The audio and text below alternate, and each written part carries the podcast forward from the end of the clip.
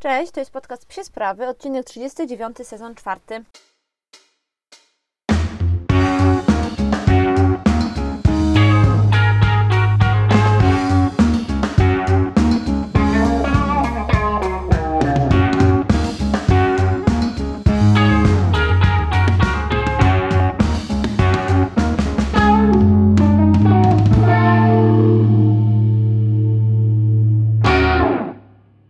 Witam Was serdecznie w nowym odcinku podcastu. Muszę się chyba trochę śpieszyć z tym nagrywaniem, bo ktoś tutaj wierci u nas w bloku, więc być może jeśli przez chwilę usłyszycie jakieś takie wiercenie, no to właśnie jakiś remont u nas się odbywa. Postaram się nagrywać ten odcinek jakoś może pomiędzy tymi wierceniami.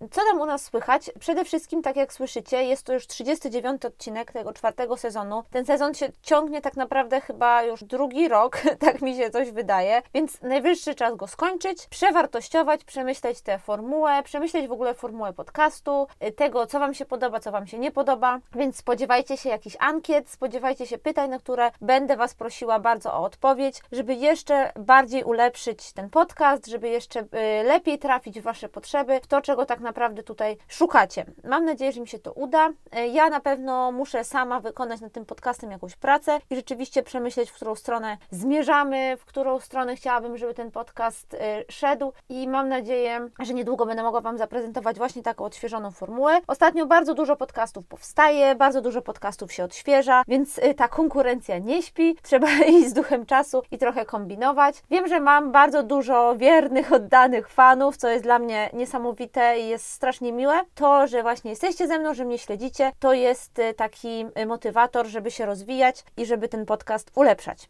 Więc obiecuję, będzie jeszcze lepszy i mam nadzieję także dzięki Waszym uwagom i opiniom. Jeśli chodzi o wszystkie inne sprawy pozapodcastowe, no to oczywiście przygotowujemy się do FOWC, czyli halowych mistrzostw świata w Belgii, we flyballu. Lemi nie będzie biegał na tych mistrzostwach, jeszcze nie jest gotowy, natomiast ja będę biegała z innym pieskiem z naszej drużyny. E, na pewno będę Wam relacjonowała tutaj te mistrzostwa, bo to niezwykłe wydarzenie na skalę światową i myślę, że będzie wiele emocji, będzie super ściganko i będzie naprawdę bardzo dużo ciekawych rzeczy Wam do pokazania, no bo takie zawody o randze światowej rzadko się zdarzają i warto je pokazywać i propagować i przede wszystkim propagować nasz sport, bo już słyszałam o osobach, które przyszły y, na flyball gdzieś tam z mojego polecenia, więc jest mi strasznie, strasznie miło, że, że rzeczywiście gdzieś tam udaje mi się ten sport promować, no bo jest super, uwielbiam go, więc sama radość. Oprócz tego Ozzy oczywiście, tak jak Wam mówiłam kilkukrotnie, trenuje frisbee, ale jeszcze trochę rzeźbimy aport, bo on ma z tym jakieś problemy, nie wiadomo jak, jak się zaczęły, kiedy, czemu, e, więc troszeczkę je sobie rzeźbimy,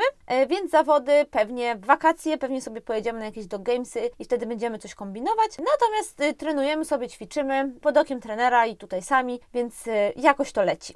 Będę na pewno jeszcze kombinowała z jakimiś innymi aktywnościami dla niego, ale na razie zostajemy przy tym frisbee. Nagrywam dziś dzisiaj ten odcinek we wtorek, taki dziwny dzień, więc pojawi się pewnie w środę, jeszcze dziwniejszy. Y, no bo je, jedziemy w czwartek na krótki urlop do Toskanii, do znajomych. Po prostu chciałam, żeby on się pojawił przed tym urlopem. Zaraz po urlopie na pewno pojawi się kolejny, więc one się pojawią w takim krótkim odstępie czasu, żeby no już zamknąć ten, te 40 odcinków. Ja lubię takie pełne liczby. Zamknąć ten czwarty sezon i spokojnie zastanowić się, co dalej, jak można robić, jak robić kolejne. No tak jak Wam mówiłam na początku, trzeba przemyśleć tę formułę. Jak pewnie pewnie widzieliście, e, byłam w weekend w takim super, super miejscu na Podlasiu. Chętnych oczywiście e, odeślę tam, więc jeśli widzieliście na storiesach, jesteście ciekawi, to piszcie. Nie chcę tak mówić na głos i e, super szeroko, no bo nie chciałabym, żeby podrezerwowano mi wszystkie wolne terminy na lato, bo strasznie mi się to miejsce podoba i na pewno będę tam jeździła bardzo często. Miejsce jest dwie godziny od Warszawy, więc jeśli jesteście z innego miasta, to też weźcie to pod uwagę. I na koniec chciałabym Wam dać dwie psie polecajki.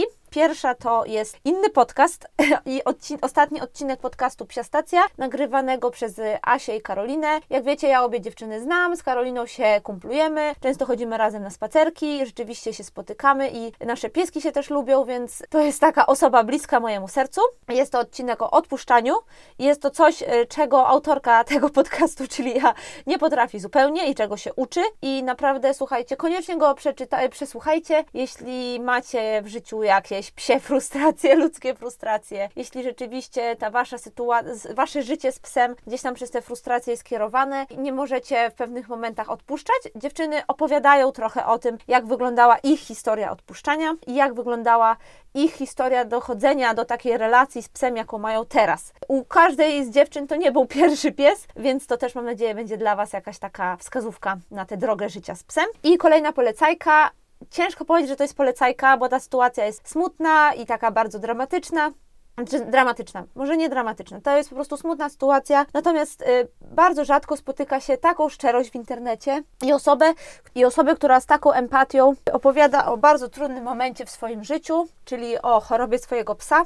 Sami posłuchajcie historii Bordo, pieska Zosi i Piotrka Wojtków. Znajdziecie mm, na pewno zapisane relacje czy jakieś tam posty y, na ich y, fanpage'u, y, przepraszam, na ich profilu na Instagramie Przedszkole Wojtków Szkolenia. No i nie jest to łatwa historia, natomiast jest to bardzo potrzebna historia w internecie i cieszę się, że Zosia z Piotrkiem zdobyli się na odwagę i tę historię opowiedzieli. Więc koniecznie sprawdźcie, zobaczcie, jak można w internecie budować szczerą komunikację nastawioną na szerzenie wiedzy o psach, ale także budowanie takiej społeczności, którą łączą nie tylko lajki na Instagramie, ale jakieś wspólne wartości i empatii. Dobrze, dzisiejszy temat odcinka to jest temat, na który głosowaliście chyba dwa tygodnie temu, czyli jak sport pomaga zbudować więź z psem. Ja może od razu odpowiem na to pytanie, na tę zadaną tezę, bo według mnie po prostu bardzo. Jak sport pomaga? Bardzo, bo rzeczywiście ja przez sporty niezwykle zbudowałam więź swoimi psami i też widzę, jak inni ludzie, którzy przychodzą do mnie na treningi, mówią, że to taki właśnie skutek uboczny uprawiania sportu z psem, przychodzenia na treningi i wspólnego uczenia się danego sportu, to właśnie jest poprawienie więzi z psem. Natomiast chciałabym zaznaczyć, że ja wiem, jakimi metodami pracuję, wiem, jakimi metodami pracują trenerzy, których znam, więc mogę powiedzieć, że ok, rzeczywiście, jeśli pójdziecie do niego, to tym efektem ubocznym sportu będzie poprawa tej więzi z psem. Natomiast nie znam wszystkich trenerów w Polsce i nie mogę tak powiedzieć generalnie o wszystkich, dlatego chciałabym na początku zaznaczyć, to nie jest tak, że przez każde uprawianie sportu z psem ta więź się poprawia, bo muszą być spełnione przy tym pewne warunki, a właściwie jeden taki bardzo konkretny, ważny warunek, czyli musicie pracować nad tym sportem odpowiednimi metodami. No i teraz słowo odpowiednie to jest słowo wytrych, no bo jakie to są odpowiednie? Ja starałam się jakoś na to odpowiedzieć w jakiś taki ech, ech, sposób, który będzie przystępny, ale który będzie też jasny, a nie tam Wam powiem, że może tak, może tak, to zależy. Przyszło mi do głowy pojęcie, które usłyszałam jakiś czas temu i które bardzo mi się spodobało. Usłyszałam je na profilu na Instagramie Dax The Angry Dog. Kiedyś już Wam chyba podlecałam ten profil i mam nadzieję, że na niego trafiliście, zwłaszcza właściciele psów reaktywnych i takich, które mają jakieś problemy z kontaktami z innymi psami. Jest to bardzo fajny, edukacyjny profil, w którym opiekunka właśnie Daxa opowiada o ich podróży y, i takiej przeprawie właśnie z reaktywnością pieska, y, którego posiada. No i tam właśnie pojawiło się pojęcie pojęcie LIMA. To jest skrót i oznacza Least Intrusive, Minimally Aversive. I to jest metoda pracy, którą właśnie e, opiekunka DAXA stosuje i która została gdzieś też, może nie zatwierdzona, ale została, jest też propagowana i jest uważana za jedną z najlepszych przez amerykańskie towarzystwa zrzeszające behawiorystów. Oczywiście Ilu behawiorystów, tyle opinii. Jak wiecie, jest to zawód nieuregulowany. Jest to zawód, w którym naprawdę rzeczywiście jest mnóstwo nurtów, mnóstwo metod pracy. Nie ma tak, że jedne są bardziej efektywne niż drugie. Natomiast ta metoda Lima do mnie przemawia o tyle, że ona zakłada pozytywne szkolenie psa do momentu, w którym nie jest ono możliwe. I o co to chodzi? To nie chodzi o to, że y, jeśli wasz pies szczeka na inne psy i nie pomaga y, pozytywny trening, no to ciągniecie go na siłę za obroże albo strzelacie do niego z obroży elektrycznej, tylko polega na tym, że póki sytuacja nie zagraża życiu psa i nie zagraża bezpieczeństwu innych zwierząt, należy pracować nad nią metodami pozytywnymi. Czyli jeśli na przykład gdzieś tam pies rzeczywiście szczeka na inne psy, to póki to nie jest sytuacja, w której on rzeczywiście się rzuca na nie, w której musicie już zastosować gdzieś tam jakieś takie środki, można powiedzieć, przymusu, no to należy pracować tym treningiem pozytywnym. E, no i w tej metodzie się też składają mechanizmy kary i nagrody. No i oczywiście, pomimo, że ta metoda zakłada, że pracujemy z psem najpozytywniej jak się da, no to ona zakłada też, że pies musi wiedzieć, że popełnił gdzieś tam błąd. I oczywiście, jeśli pies ma ułożony trening tak, że nie popełnia błędu, to jest to trening idealny. Taki trening ułożyć to jest duża sztuka i myślę, że wszyscy jako trenerzy się staramy to zrobić. Natomiast jeśli pies popełni błąd w trakcie treningu, to nie spotyka go kara typu walenie pału po głowie, tylko na przykład nie dostaje nagrody za dane powtórzenie. Wiem, że jest to metoda, którą y, pracuje większość trenerów, wiem, że mnóstwo osób się z nią nie zgadza i pracuje tylko metodami pozytywnymi, czyli pies musi mieć tak zbudowany trening, żeby zawsze dostał nagrodę. Spoko, fajnie, ja Wam mówię, jak ja pracuję i jak u mnie to wygląda. U nas psy oczywiście staramy się je prowadzić w taki sposób, żeby unikać jakichkolwiek błędów i żeby były nagradzane za dobre powtórzenia, bo tylko takie wykonują. Natomiast jeśli złe powtórzenie się zdarzy, to po prostu nie dostają nagrody. I uważam, że taki trening rzeczywiście i zbudowany na takich zasadach pomaga zbudować relacje i więź z człowiekiem. I mam na to żywe dowody. Sama jestem żywym dowodem, ale mam też dowody w postaci osób, które przychodzą do mnie na treningi, więc gdzieś tam w tym zagadnieniu czuję się dość pewnie. No dobrze, no to już tak bardzo szeroko opowiedziałam Wam, jakie metody dają efekt, przynajmniej według mnie oczywiście, no bo tutaj jest bardzo dużo opinii. No to teraz przejdźmy do budowania tej relacji w sporcie. I chciałabym Wam powiedzieć tutaj o kilku takich punktach. Też ten temat to nie jest temat na jakąś wielką rozprawkę, raczej na takie podsumowanie rzeczy, które pewnie już wiecie i które chcielibyście sobie ułożyć w głowie, albo na przykład przedstawić osobom, które przychodzą do Was na treningi, jako korzyść właśnie płynącą z tych treningów. No więc dla mnie przede wszystkim przy prawidłowo prowadzonym treningu prowadzonym przez trenera na przykład, e, możecie po prostu nauczyć się dużo rzeczy o psim behawiorze. Tę relację wzmocnić przez wzmocnienie wiedzy. Ja uważam, że wiedza o psim behawiorze, o psich zachowaniach, psich emocjach jest takim pierwszym krokiem do wzmocnienia relacji, jeśli zostanie zastosowana prawidłowo, jeśli zostanie gdzieś tam wzmocniona także, zostanie wzmocnione także w Was takie poczucie, że rzeczywiście rozumiecie, co ten pies do Was mówi, co chce Wam przekazać, no to będziecie w stanie go zrozumieć lepiej, no i moim zdaniem ta więź się poprawi, będziecie też w stanie na to zareagować. Będziecie w stanie gdzieś tam lepiej odczytywać jego emocje, będziecie w stanie zbudować sobie też takie mechanizmy nagrody, no bo już będziecie o nich wiedzieć, właśnie zdobywając tę wiedzę. No i przede wszystkim to rozwijanie nowych umiejętności i waszych trenerskich, i Waszych jako opiekunów psa i rozwijanie nowych umiejętności psa z pewnością wprowadzi Waszą relację na wyższy level, no bo będziecie musieli wtedy się wykazać zaufaniem, wspólną pracą i to naprawdę bardzo mocno e, buduje takie naszą relację w życiu z psem. Po drugie, przede wszystkim jeśli, jeśli chcecie uprawiać sport, musicie uczestniczyć w treningach i treningi zabierają czas ale nie jest to czas stracony, bo jest to czas, który spędzacie z psem. Tak, moim zdaniem, jak jest w życiu ludzi z ludźmi, tak samo jest w życiu ludzi z psami, że spędzony czas buduje relacje.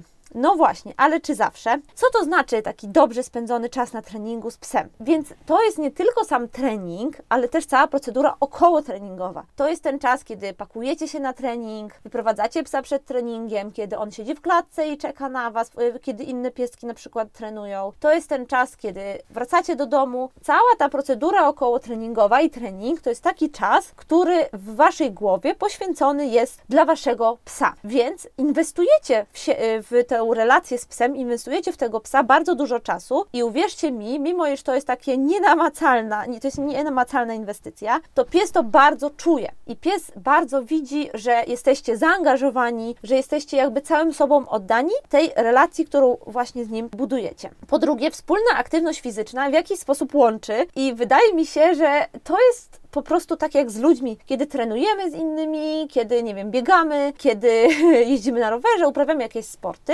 to tworzymy taki jeden team, jedną drużynę, która gdzieś w tym sporcie chce coś osiągnąć. I tutaj przy tych sportach z psem, wydaje mi się, że ta relacja jest bardzo podobna, bo ta aktywność fizyczna, to zmęczenie, też y, takie przekraczanie jakichś tam własnych granic, oddawanie się temu wysiłkowi i na koniec to zmęczenie fizyczne i psychiczne po wysiłku bardzo łączą i budują team, budują właśnie tę drużynę składającą się z człowieka i psa. No właśnie.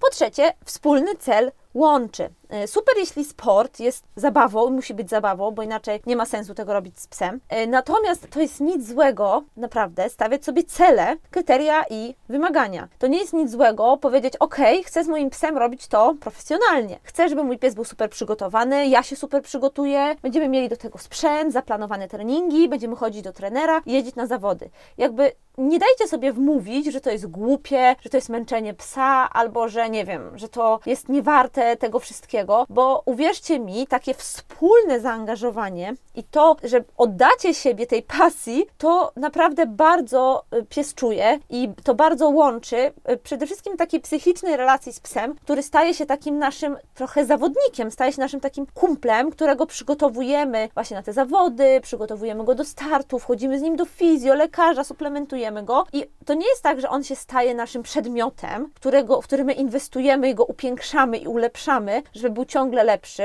tylko staje się takim naszym celem, ale przede wszystkim celem tutaj jest wspólna zabawa i osiąganie jakichś wyników sportowych. I co jest super, słuchajcie, i ja tu jestem najlepszym przykładem, że sport może się stać Twoją totalną zajawką, pasją. A ja uważam, że nie ma w życiu nic lepszego niż mieć zajawkę i pasję. Bardzo mi szkoda jest ludzi, którzy nie mają pasji, nie mają zajawek i wracając y, z z pracy do domu, to trochę nie wiedzą, co mają ze sobą zrobić. No, wydaje mi się, że praca fajnie, jeśli jest, super, jeśli jest Waszą pasją i jeśli ją lubicie, natomiast posiadanie jakiejś takiej odskoczni, czegoś, w co też inwestujecie Waszą głowę, Wasze myśli, Wasz czas, jest niesamowite, po prostu buduje człowieka i zapewnia mu takie poczucie spełnienia i radości. I jeśli zaczniecie inwestować w ten czas y, poświęcony na sport z psem, sami zobaczycie, że po pewnym czasie jeśli oczywiście będzie Wam się podobało, będziecie zadowoleni, to Was to niesamowicie wciągnie, ale też niesamowicie wciągnie Waszego psa. To jest takie takie uczucie, taki, mm, takie zjawisko, które zaobserwowałam właśnie u moich psów, że dla nich te treningi to jest takie po prostu najfajniejsza rzecz, która je spotyka na świecie, bo od początku je uczyłam tego, że to jest najfajniejsza rzecz, która je spotyka na świecie, więc one po prostu na to czekają. One się nie mogą doczekać, kiedy przyjdzie ten wtorek i środa i pojedziemy na flyball. Kolejna rzecz jest taka, że y, pewnie się o tym przekonacie, jeśli będziecie uprawiać psie, psie sporty, że każdy sukces psi cieszy 10 razy bardziej niż własny. Ja nie cieszyłam się tak z przebiegnięcia półmaratonu, jak cieszę się z sukcesów moich psów. I to chyba się bierze z tego, że ciągle ma się takie poczucie, że jednak wyszkoliło się istotę, do której nie można powiedzieć, ej, teraz przeskocz przez chopkę i złap piłkę, tylko trzeba było tak z nią pracować, trzeba było takie zaufanie zbudować, żeby ona jakoś ten ciąg załapała i żeby mogła jakby tak zbudować te umiejętności, żeby cały ten łańcuch, y, łańcuch zadań wykonać. I to jest niesamowite. Y, na koniec taka mała uwaga, można powiedzieć, negatywna, w tym sensie, że pamiętajcie tylko, że w tej pracy z psem y, bardzo trzeba uważać na, na presję i na emocje, bo jak pojawia się sport, pojawia się rywalizacja, konkurencja, pojawiają się też takie negatywne emocje związane z chęcią wygrywania, z, z tym, żeby nie przegrać, żeby gdzieś być pierwszym, a nie ostatnim. No i dla wielu ludzi jest to ciężkie i ta rywalizacja jest ciężka, więc pamiętajcie, że musicie znaleźć sobie mechanizm, w którym nie przekładacie tego na psa i w którym te negatywne emocje się w sporcie nie pojawiają, no bo chyba słyszycie zresztą sami, tak jak o tym mówię, że wtedy ta więź, no niestety, nie ma szansy się budować, a wręcz odwrotnie, ma szansę się bardzo pogorszyć. No dobrze, to jeszcze tak na koniec takie szybciutkie, szybciutkie zebranie takich mm, konkretnych rzeczy, które może poprawić sport, a które przeniesiecie sobie na codzienne życie. Czyli jak wyjdziecie z tego treningu, to następnego dnia pójdziecie na spacer i co może Wam sport poprawić? Po pierwsze, zaufanie między psem a człowiekiem, to jest jasne. To jest taki parasol na wszystko. Po drugie, przywołanie. Y, jeśli trenujecie frisbee, obedience, agility, to jeśli będziecie to trenować, jeśli będziecie z psem pracować, to gwarantuję Wam, powiedzmy na 50%, nie no, żartuję. Myślę, że na pewno te przywołanie Waszego psa się poprawi kontakty z innymi psami. Na treningach y, pies pracuje w jakichś tam emocjach, pracuje też w mm, kontakcie z innymi psami, bo te psy zwykle na tych treningach się znajdują. Więc ja uważam, że prawidłowo prowadzony trening sportowy jest w stanie w połączeniu z pracą behawioralną i tak dalej, poprawić relacje z innymi psami i w związku z tym pracę nad emocjami. Pies jest w stanie poprawić sobie gdzieś tam taką wewnętrzną samokontrolę emocjonalną właśnie poprzez pracę w sporcie. Ciągle powtarzam, przez dobrze prowadzone treningi, dobrze prowadzoną pracę w sporcie. Praca w rozproszeniach. Y, Być może wasz pies rozpraszał się na spacerach, nigdy nie mógł się skupić, y, interesował go po prostu autobus, człowiek, rower, inny pies, kot, wiewiórka. Przez sport, przez pracę z psem jesteśmy w stanie te rozproszenia trochę zniwelować, w tym sensie, sensie, że nie są one już tak bardzo dla psa interesujące, bo najbardziej interesujący stajemy się my. Timing to jest coś, co poprawicie Wy, bo bardzo często mamy problem z timingiem w nagradzaniu psa, robimy to za późno, za wcześnie, w nieodpowiedni sposób. Natomiast sport, praca w sporcie uczy naprawdę timingu i odpowiedniego nagradzania psa. No i na koniec, żeby zamknąć to wszystko taką piękną klamrą, sport niesamowicie podnosi pewność siebie psa. Pozwala mu zbudować takie uczucie, że mogę, że umiem, że potrafię, że jestem kompetentny, a nie, że tylko tam, o mama mi rzuca piłkę pod blokiem, przyniosę albo nie, na mnie szczekają, kurde, ale się boję. Naprawdę sport pomaga psom zbudować w sobie e, taki zespół cech, które pozwalają im bardziej w siebie wierzyć. Wiem, że to brzmi trochę szamańsko, no ale niestety tak jest. Dobra, dziękuję Wam bardzo za słuchanie tego odcinka. Tak jak pisałam, przepraszam, mówiłam, mówiłam, niedługo pojawi się kolejny i wtedy zamkniemy ten sezon i pojawią się jakieś tam nowe formuły, nowe, nowe sezony, nowe odcinki, więc bardzo Wam dziękuję za słuchanie i zapraszam na kolejny.